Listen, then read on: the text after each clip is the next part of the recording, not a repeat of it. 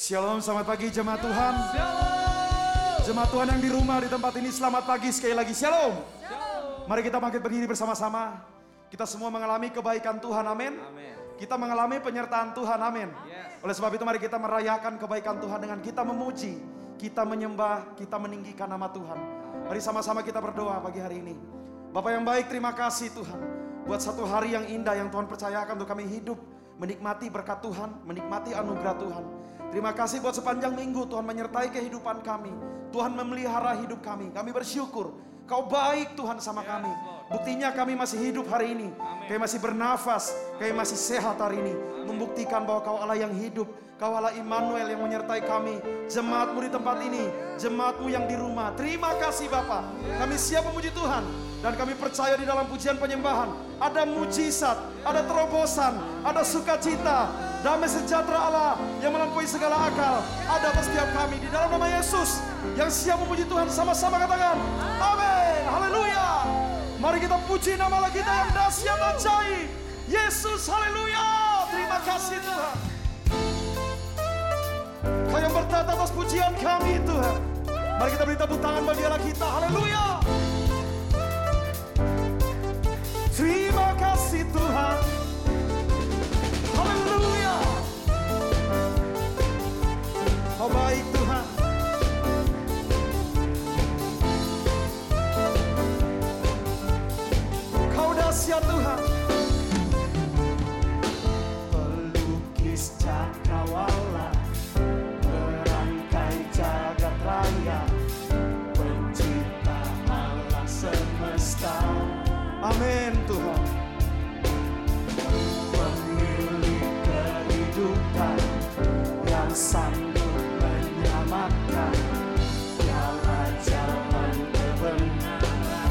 percaya sambil angkat tanganmu. Sembah dia. Kami rindukan kuasa lawatanmu Kebangkitan pasti terjadi. Oh oh oh. Datanglah dan bertata Kuat dan berkuasa. Saat hati bersatu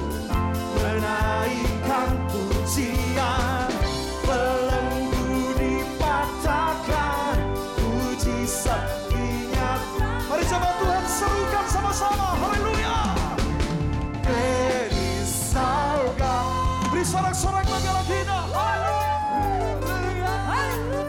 Dengan sukacita kami menyembah Engkau Tuhan. Haleluya. Sama-sama katakan dengan imanmu. Pemilik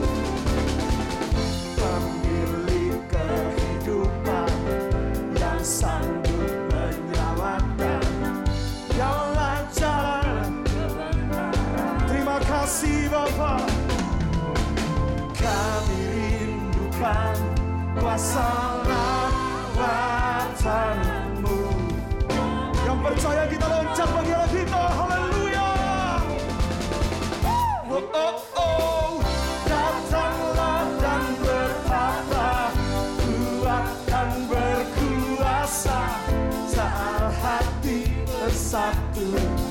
Menaikkan Terima kasih.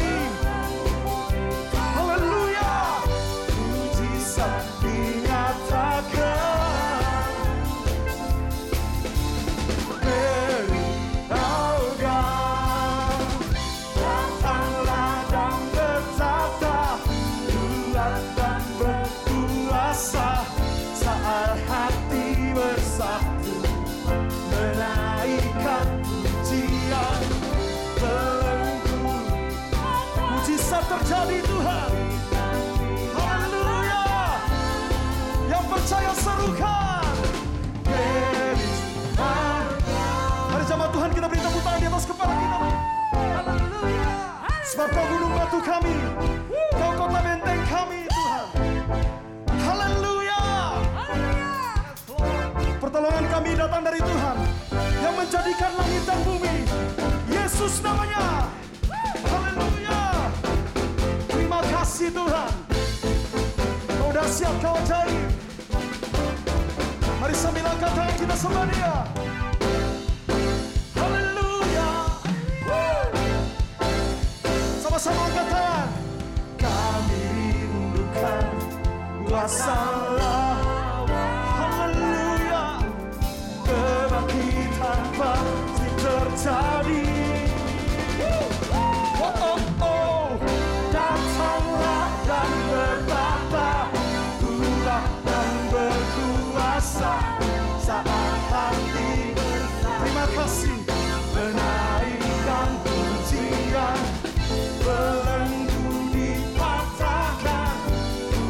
Mujizat di Lebih sungguh lagi nyatakan. Haleluya.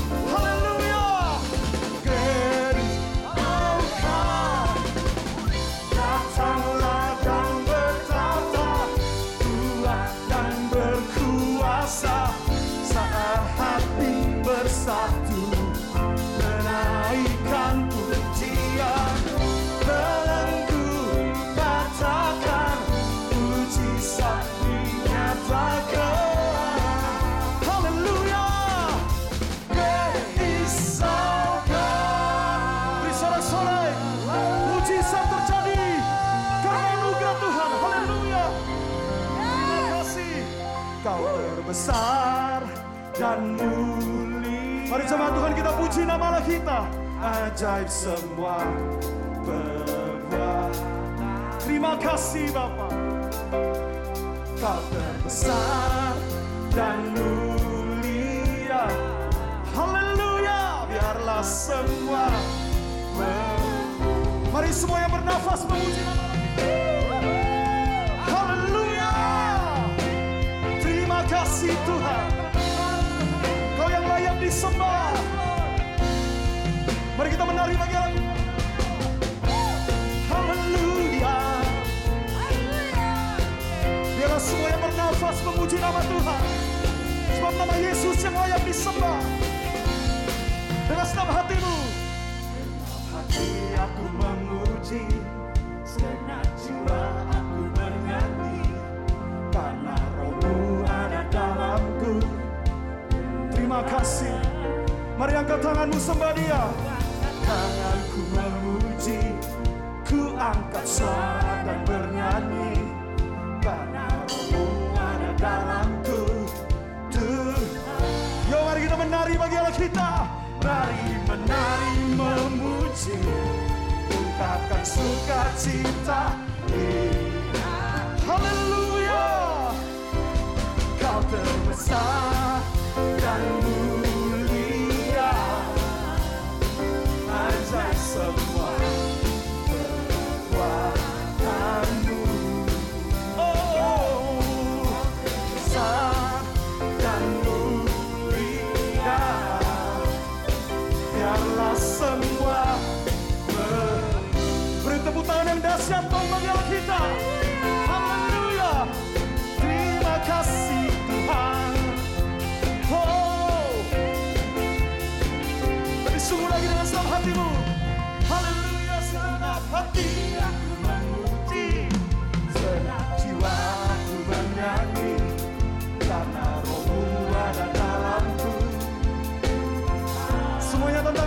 Yesus pagi ini. Tanganku memuji Ku angkat suara dan bernyanyi.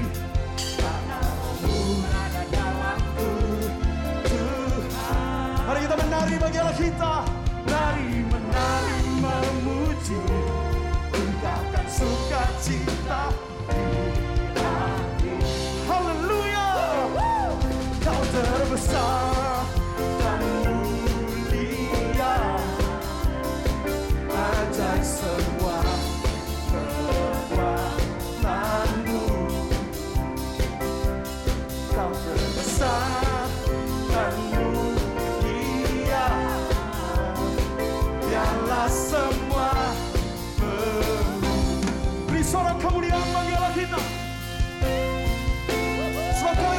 disembah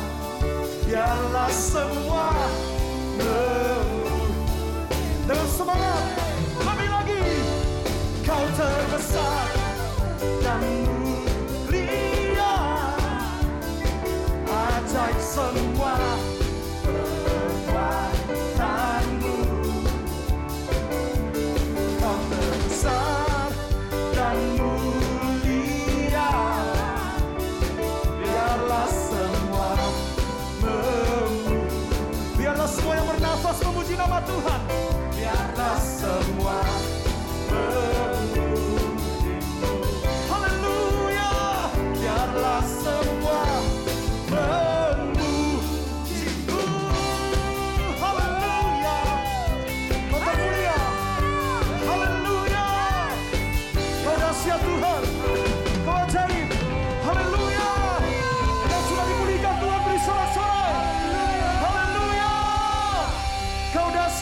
Ajaib.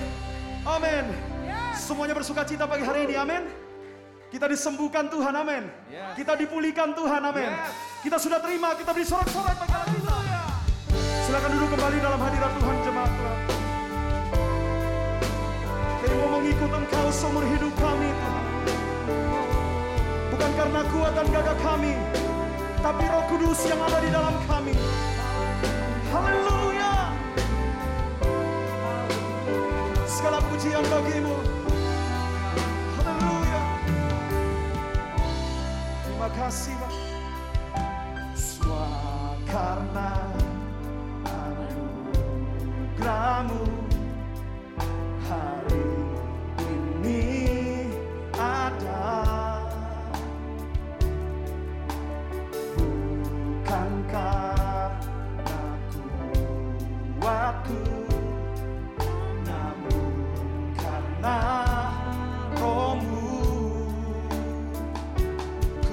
hatiku penyembahanku. Ku semakin berkurang Yesus semakin bertambah. Mengikut Yesus itulah kesukaan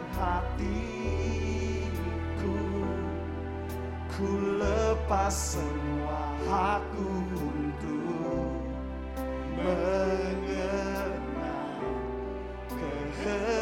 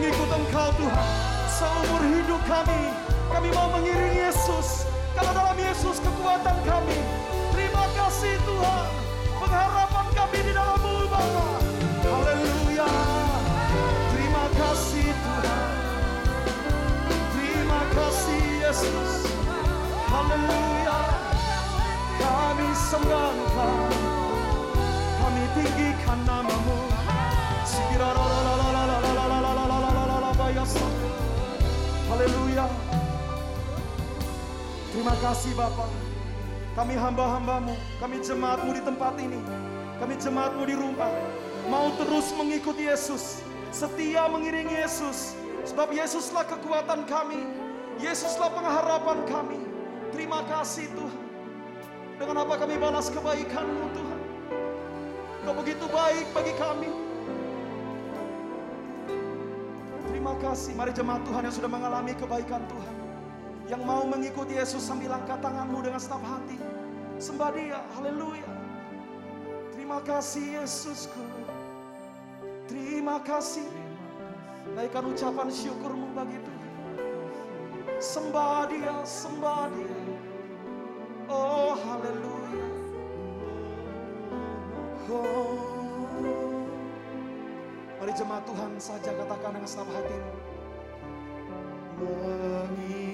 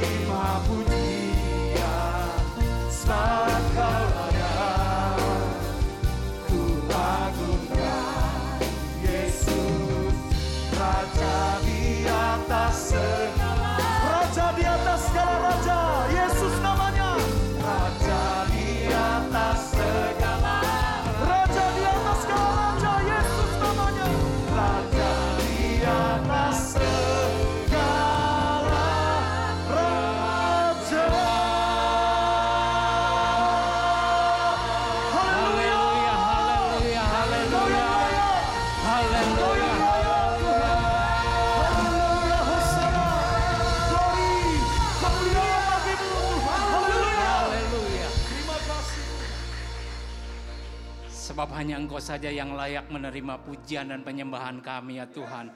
Engkaulah Raja di atas segala Raja. Engkaulah Tuhan kami yang dahsyat. Terima kasih Tuhan Yesus. Pagi hari ini kami masih diberikan kesempatan untuk bersekutu dengan Engkau, memuji dan menyembah Engkau.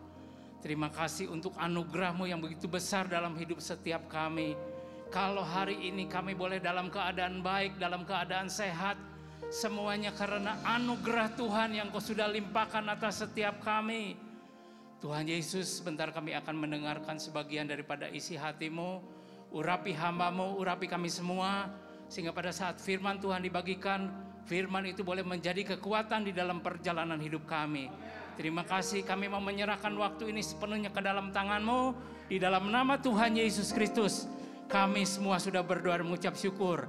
Yang siap menerima berkat Tuhan, sama-sama kita katakan, Amin. Silakan Bapak Ibu Saudaraku untuk duduk. Shalom semuanya dalam keadaan baik. Amin. Ya kita bersyukur sejak awal bulan ini kita bisa melakukan ibadah secara onsite walaupun terbatas. Saya ber, saya berharap semua jemaat tetap antusias di dalam beribadah. Termasuk yang di rumah. Ya, mari kita buka perhatikan uh, Amsal 27 ayat 2, ayat yang ke-18. Saya akan bacakan. Siapa memelihara pohon ara akan memakan buahnya dan siapa menjaga tuannya akan dihormati. Nah, Bapak Ibu dan Saudaraku semua, banyak orang ingin menerima yang baik di dalam hidupnya, tetapi tidak mau melakukan apa yang harus dilakukannya.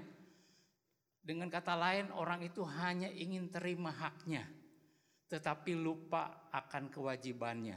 Akibatnya, hak itu tidak diterima dengan sepenuhnya. Dari ayat tadi dikatakan, siapa memelihara pohon ara akan memakan buahnya. Coba kalau kita tanam sebuah pohon, kemudian kita biarkan pohon itu begitu saja, tanpa kita pelihara bisa tumbuh enggak? Bisa tumbuh sih bisa. Tetapi pertumbuhannya tidak akan baik. Kalaupun akan menghasilkan buah pohon itu, saudaraku, buahnya pasti sedikit. Buahnya pasti tidak akan manis ya. Oleh sebab itu kita perlu melakukan apa yang kita perlu lakukan, apa yang wajib kita lakukan ya, kalau kita ingin mendapatkan hasil yang baik. Ibarat sebuah pohon, kalau ingin mendapatkan buah yang baik, tentu kita harus memelihara pohon itu. Harus menyiramnya, harus memberi pupuk, ya harus membersihkan dari hama-hama, harus menggemburkan tanah-tanah yang ada di sekitar pohon itu. Nah, oleh sebab itu kita harus perlu kita harus mengerti apa yang menjadi kewajiban hidup kita. Kemudian dikatakan siapa menjaga tuannya akan dihormati. Menjaga tuannya di sini berarti menaruh respek kepada otoritas yang ada di dalam hidup kita. Ya, kalau seorang anak perlu menaruh respek kepada orang tuanya. Kalau seorang pegawai perlu menaruh respek kepada majikannya. Oleh sebab itu, ketika kita mengerti tentang respek terhadap otoritas, maka kita harus mendukung otoritas yang ada di atas kita. Kita harus mengikuti apa yang menjadi keinginan daripada otoritas yang ada di atas kita. Banyak orang ingin dihormati tapi tidak menaruh hormat kepada tuannya. Akibatnya apa? Haknya tidak akan diterima dengan sepenuhnya. Ya, sekali lagi, kalau misalnya kita punya pembantu rumah tangga, kalau kita punya karyawan, ternyata pembantu rumah tangga itu tidak menaruh respek kepada majikannya. Ternyata karyawan itu tidak mau menaruh hormat, tidak punya sikap yang menyenangkan kepada otoritas yang ada di atasnya. Ya, saya kira orang itu tidak akan menerima haknya dengan sepenuhnya. Nah, untuk bisa menerima hak dan melakukan kewajiban, maka orang itu tidak terlepas daripada yang namanya tanggung jawab. Nah, hari ini tema, tema firman Tuhan saya beri judul hidup bertanggung jawab. Apa sih arti hidup bertanggung jawab dalam keseharian kita? Saudaraku bertanggung jawab berarti siap memikul akibat dari setiap keputusan yang kita buat. Kemudian bertanggung jawab berarti melakukan apa yang harus saya lakukan sekalipun saya tidak ingin melakukannya. Bertanggung jawab berarti bersikap benar terhadap hak kewajiban dan tugas sesuai dengan peraturan yang ada. Kenapa orang percaya harus bertanggung jawab? Kali lagi, kenapa orang percaya harus bertanggung jawab? Karena ketika manusia diciptakan oleh Allah, Allah menempatkan manusia itu di Taman Eden.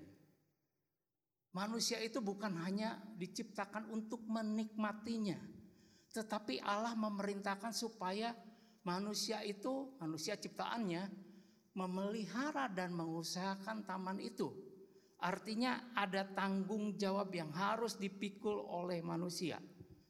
Ada ungkapan yang mengatakan berani berbuat, berani bertanggung jawab.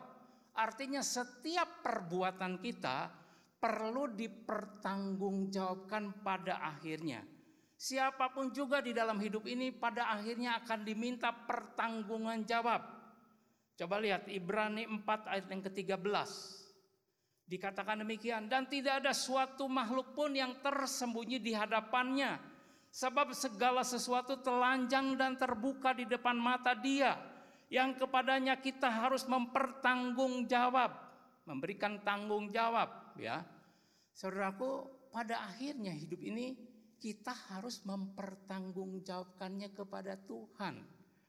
Tuhan Yesus berkata begini, setiap kata-kata sia-sia yang keluar dari mulut kita harus dipertanggungjawabkan pada hari penghakiman. Kata-kata saja itu harus dipertanggungjawabkan. Apalagi perbuatan kita. Tentu Tuhan meminta pertanggungjawaban atas apa yang kita lakukan.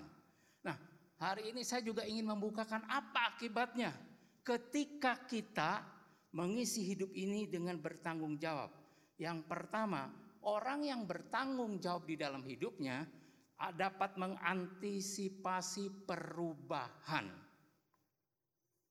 Bapak, Ibu, dan saudaraku semuanya, kita sedang hidup di dalam kenormalan yang baru, new normal, ya. Berarti begitu banyak perubahan yang kita hadapi dalam hidup ini.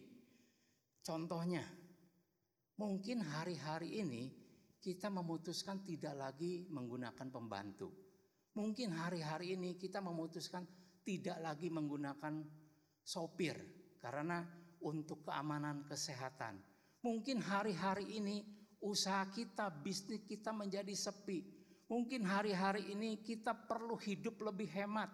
Mungkin hari-hari ini kita lebih banyak berinteraksi dengan anggota keluarga kita karena kita lebih banyak tinggal di rumah. Nah, kalau kita tidak dapat mengantisipasinya, perubahan itu akibatnya apa? Muncul situasi yang berbahaya. Muncul situasi ya yang mengakibatkan banyak salah paham. Banyak saling menuntut tanggung jawab sehingga suasana surgawi di dalam keluarga menjadi hilang. Sebaliknya orang yang dapat mengantisipasi perubahan dia dapat bertahan dalam segala keadaan karena orang itu dapat menyesuaikan diri dengan situasi yang dihadapinya. Penyesuaian diri yang sesuai dengan firman Tuhan pasti akan mendatangkan kebaikan dan damai sejahtera. Demikian juga di dalam keluarga. Coba kita lihat kalau saya pasal yang ketiga ayat 18 sampai 20. Dikatakan demikian, Hai istri-istri tunduklah kepada suamimu sebagaimana seharusnya di dalam Tuhan.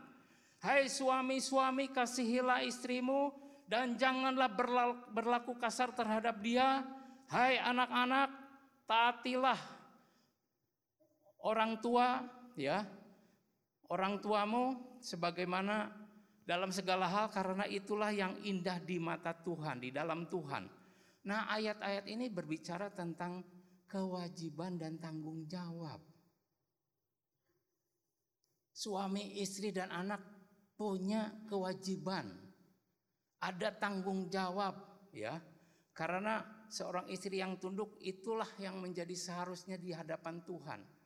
Seorang suami yang mengasihi istrinya itulah ya yang diperintahkan oleh Tuhan kita harus melakukannya. Demikian juga anak-anak juga harus menghormati orang tua itu merupakan tanggung jawab dan kewajiban daripada anak. Nah, ayat-ayat tadi saudaraku seharusnya kita lakukan dalam hidup kita. Tapi kenyataannya ada yang berbicara begini. Seorang istri ngomong begini.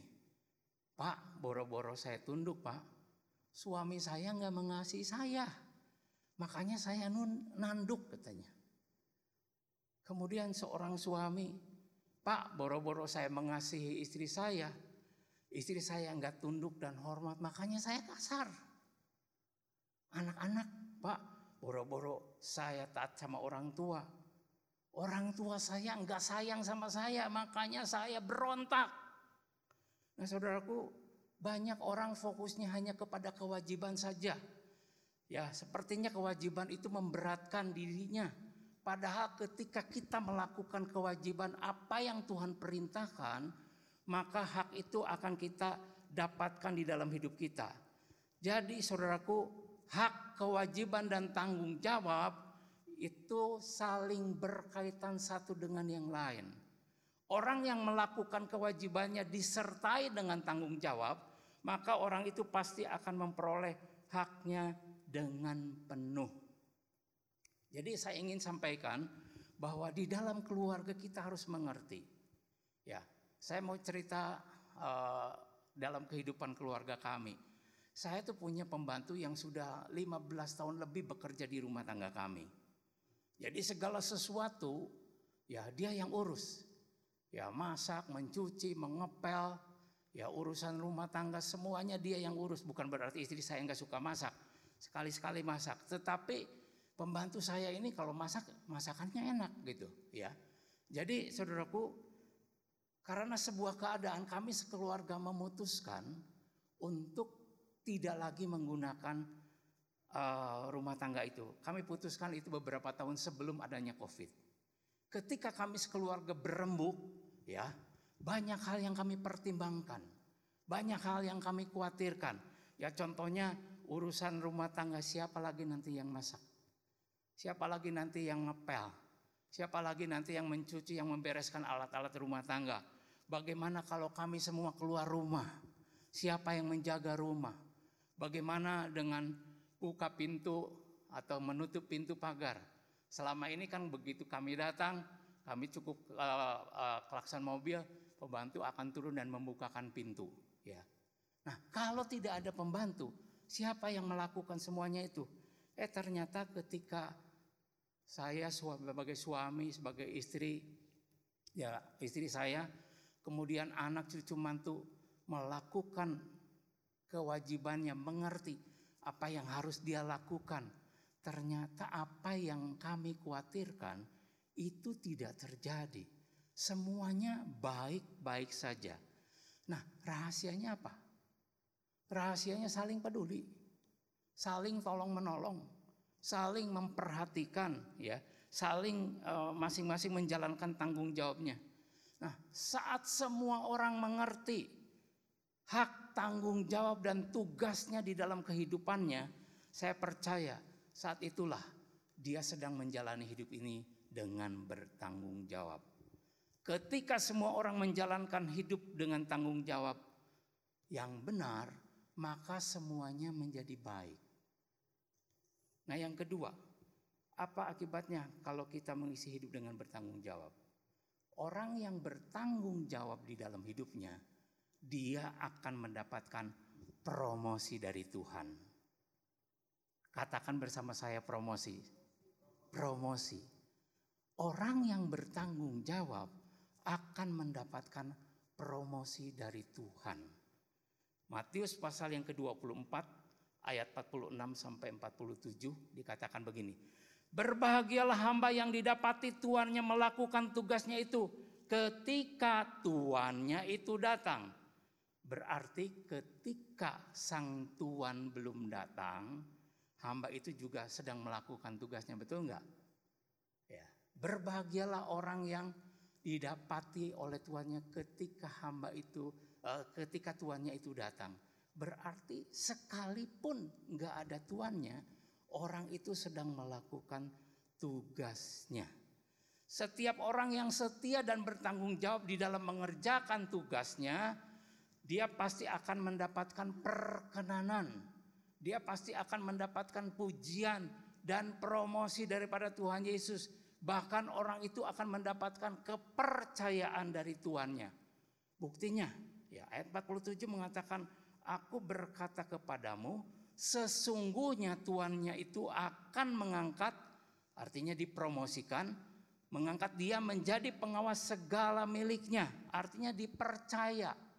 Nah, saudaraku, saya ingin menyampaikan uh, sebuah kisah di dalam perjalanan hidup kita semuanya ya hari-hari ini.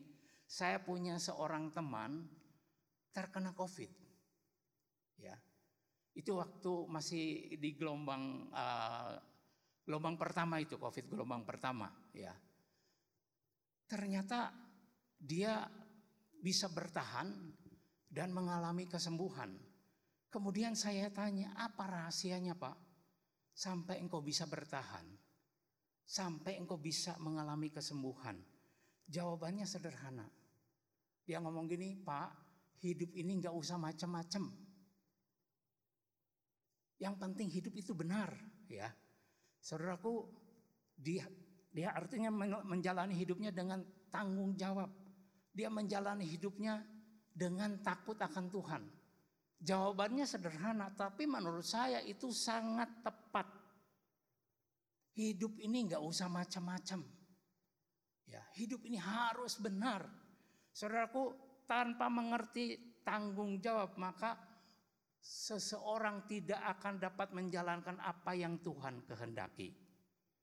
Tidak ada orang yang berhasil jika tidak siap menghadapi kesulitan dan mempersiapkan diri untuk memikul tanggung jawab.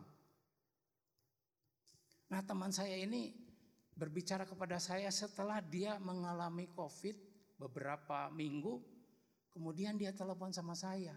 Kemudian saya tanya, gimana dengan istri dan anak-anak? Oh, puji Tuhan, Pak. Istri saya dan anak saya mereka sama sekali tidak tercemar, tidak terkena wabah COVID. Saudara perhatikan, ketika kita mengisi hidup dengan tanggung jawab, dia akan mendapatkan promosi dari Tuhan dan keluarganya ada dalam perlindungan Tuhan. Yang setuju katakan amin. Nah yang ketiga saudaraku, kalau kita mengisi hidup dengan bertanggung jawab, apa yang akan kita alami? Saudaraku, kita akan mendapatkan jalan untuk masuk dalam kebahagiaan. Nah, saya percaya kita semua sudah mendengar firman Tuhan tentang perumpamaan talenta. Tuhan Yesus memberikan perumpamaan ya di dalam Matius pasal yang ke-25 14 sampai ayat 14 sampai dengan 30 tentang seorang hamba yang akan bepergian ke, ke luar negeri. Ya, dia mempercayakan hartanya kepada hamba-hambanya. Ya. Kemudian ada yang dikasih lima talenta, ada yang dikasih dua talenta, dan ada yang hanya diberikan satu talenta, satu talenta saja. Nah, Bapak Ibu dan Saudaraku, di dalam perumpamaan itu dikatakan sebab hal kerajaan surga itu sama seperti seorang tuan yang mau bepergian ke luar negeri kemudian memanggil hamba-hambanya atau pelayan-pelayannya dan mempercayakan hartanya kepada mereka. Artinya para hamba itu diberikan tugas dan tanggung jawab oleh tuannya. Nah, tuan ini adalah gambaran daripada Tuhan. Hamba-hambanya ini adalah gambaran daripada orang percaya. Nah mungkin muncul pertanyaan kenapa ada yang dikasih lima, Kenapa ada yang hanya dikasih dua? Kenapa?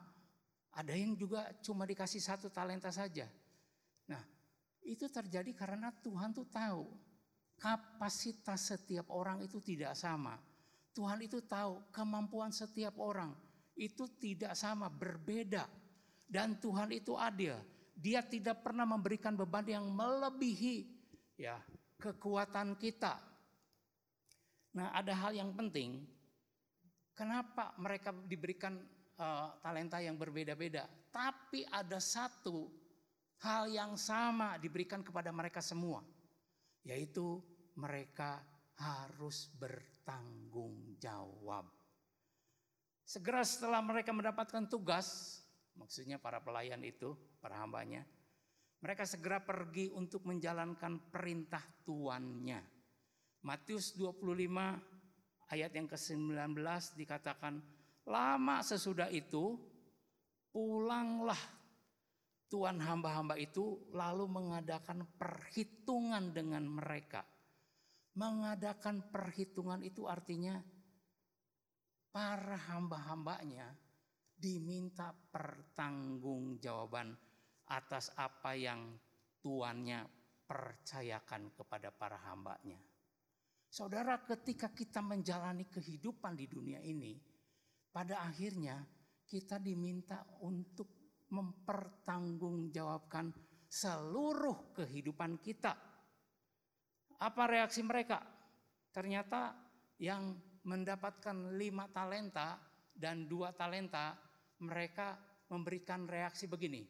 Apa yang telah Tuhan percayakan kepadaku, aku telah mengembangkannya sehingga ada laba yang diperoleh. Dan kemudian mereka punya sikap mempersembahkannya kepada sang tuannya. Lalu apa reaksi sang tuan?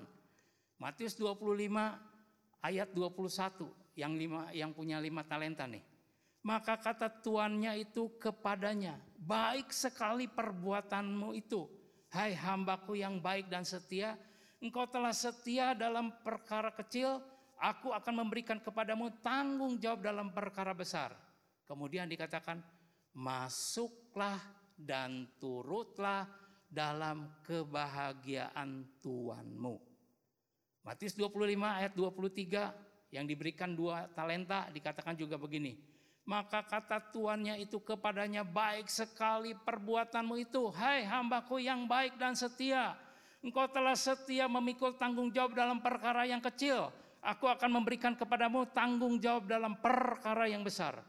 Kemudian dikatakan masuklah dan turutlah dalam kebahagiaan Tuanmu. Jadi ketika mereka menjalani hidup dengan bertanggung jawab, maka mereka akan dibukakan pintu untuk masuk ke dalam kebahagiaan. Saudaraku, berbeda dengan orang yang punya satu talenta saja. Ya. Coba dilihat Matius 25 ayat 24. Kini datanglah juga hamba yang menerima satu talenta itu dan berkata, Tuhan aku tahu bahwa Tuhan adalah manusia yang kejam. Yang menuai di tempat di mana Tuhan tidak menabur dan yang memungut dari tempat di mana Tuhan tidak menanam.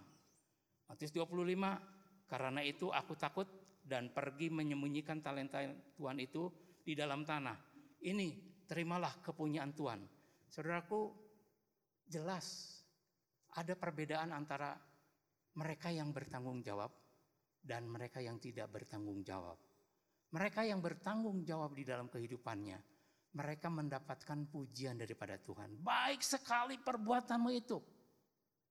Ya. Tetapi mereka yang tidak bertanggung jawab, Saudara, mereka akan dicampakkan ke tempat yang paling gelap. Saudaraku, dan orang yang tidak bertanggung jawab disebut sebagai hamba yang malas, hamba yang jahat. Oleh sebab itu, mari kita mengisi hidup ini dengan tanggung jawab. Ada sebuah cerita. Seorang konglomerat dari Afrika Selatan pada waktu diwawancara di dalam sebuah acara televisi, dia ditanya, apa arti kebahagiaan menurut Anda? Kemudian dia menjawab begini, saya sudah mengalami empat macam kebahagiaan. Kebahagiaan yang pertama yaitu ketika saya berhasil mengumpulkan uang yang sangat banyak. Tetapi kebahagiaan itu tidak berlangsung lama. Kemudian yang kebahagiaan yang kedua saat saya mendapatkan barang-barang yang berharga seperti mobil yang mewah, arloji yang mahal dan lain sebagainya.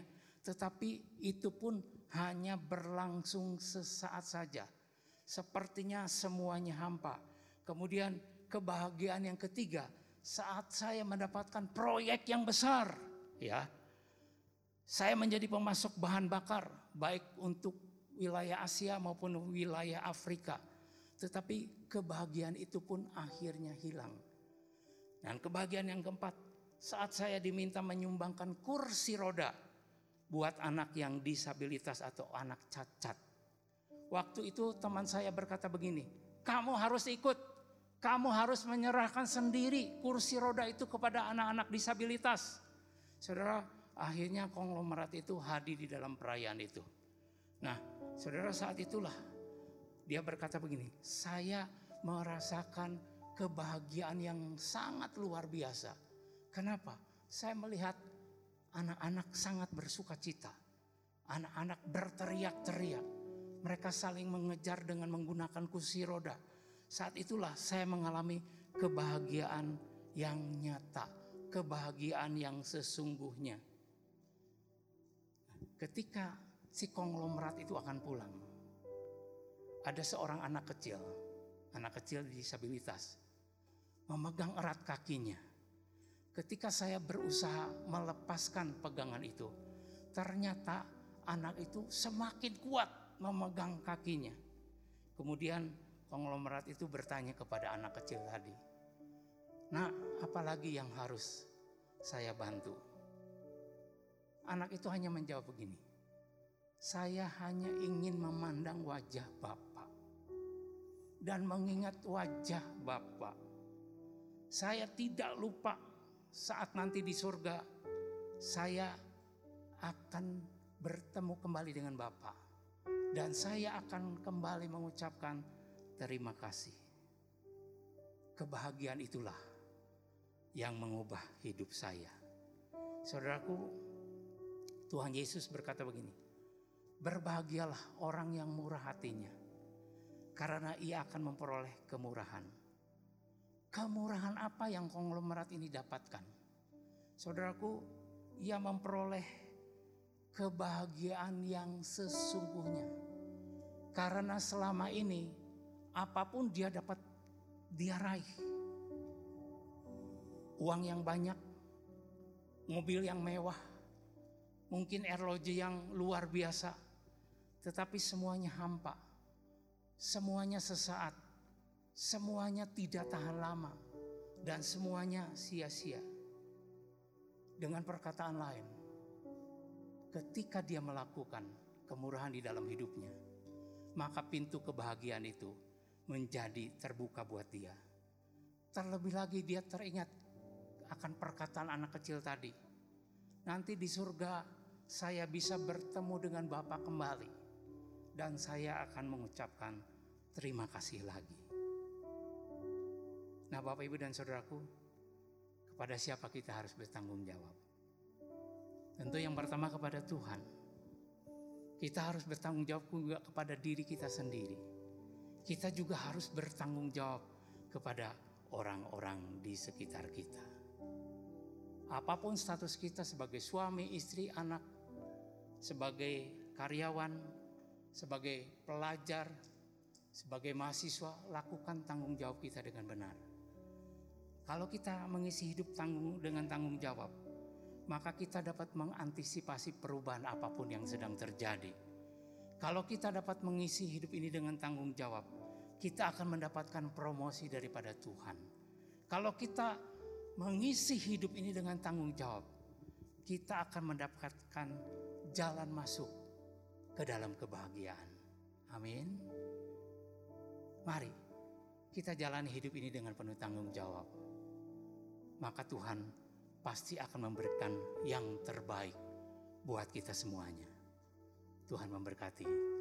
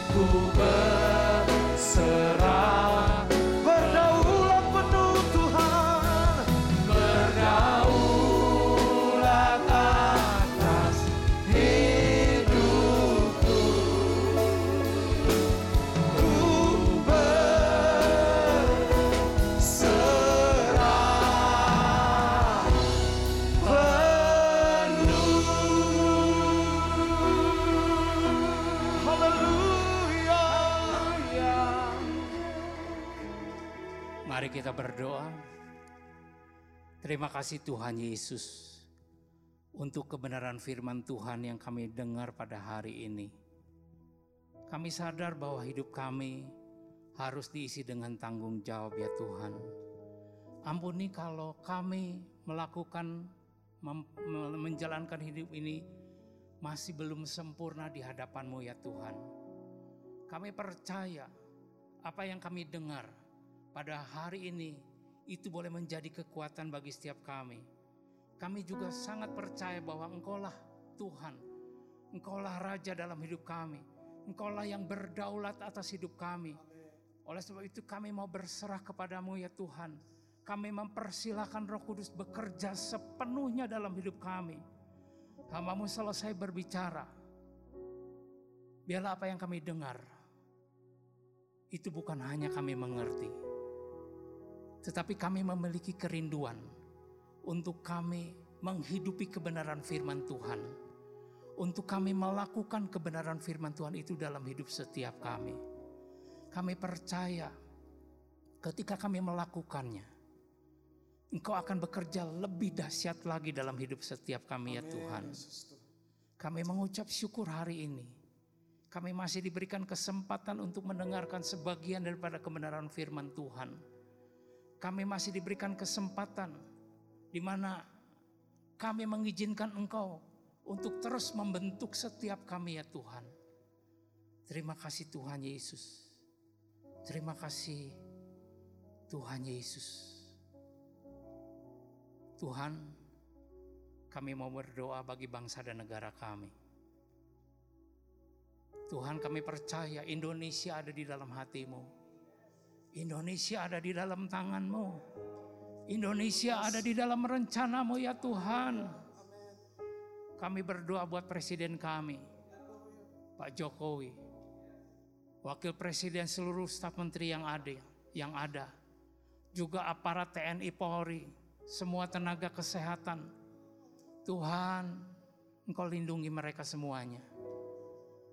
Tuhan berikan hikmat kepada mereka yang terbaik sehingga Indonesia bisa dibebaskan dari COVID-19 ini Tuhan. Terima kasih. Kami juga mau berdoa untuk seluruh jemaat yang hadir maupun yang ada di rumah kami masing-masing. Tuhan, di dalam hari-hari ini kami mau melekat lebih lagi dengan Engkau ya Tuhan. Kami mau sungguh-sungguh di dalam Tuhan. Kami mau mengiring Tuhan dengan segenap hati kami. Jadikan setiap kami tanah yang subur. Ketika firman Tuhan ditaburkan, firman itu berakar berbuah dan ber, berakar bertumbuh dan berbuah lebat dalam hidup setiap kami. Terima kasih Tuhan Yesus. Kau melihat anak-anakmu, jemaat Tuhan yang begitu setia mengikuti ibadah ini Tuhan begitu setia memberikan yang terbaik bagi gereja ini Tuhan. Semuanya untuk kepentingan Tuhan. Terima kasih Tuhan Yesus. Kalau sebentar kami akan pulang, kami mengangkat tangan kami. Kami siap menerima berkat Tuhan. Sidang jemaat Tuhan, Tuhan memberkati engkau, Tuhan melindungi engkau, Tuhan menyinari engkau dengan wajahnya, dan memberikan kasih karunia. Tuhan menghadapkan wajahnya kepadamu dan memberi damai sejahtera. Sekarang terimalah dengan iman berkat sukacita damai sejahtera yang berlimpah-limpah dari Allah Bapa kita melalui kasih dan rahmatnya yang sempurna Tuhan kita Yesus Kristus dan persekutuan yang manis dengan Roh Kudus senantiasa menyertai kita semua mulai saat ini sampai Maranatha bahkan sampai selama-lamanya. Yang sudah menerimanya sama-sama kita katakan amin. Tuhan Yesus memberkati kita semua.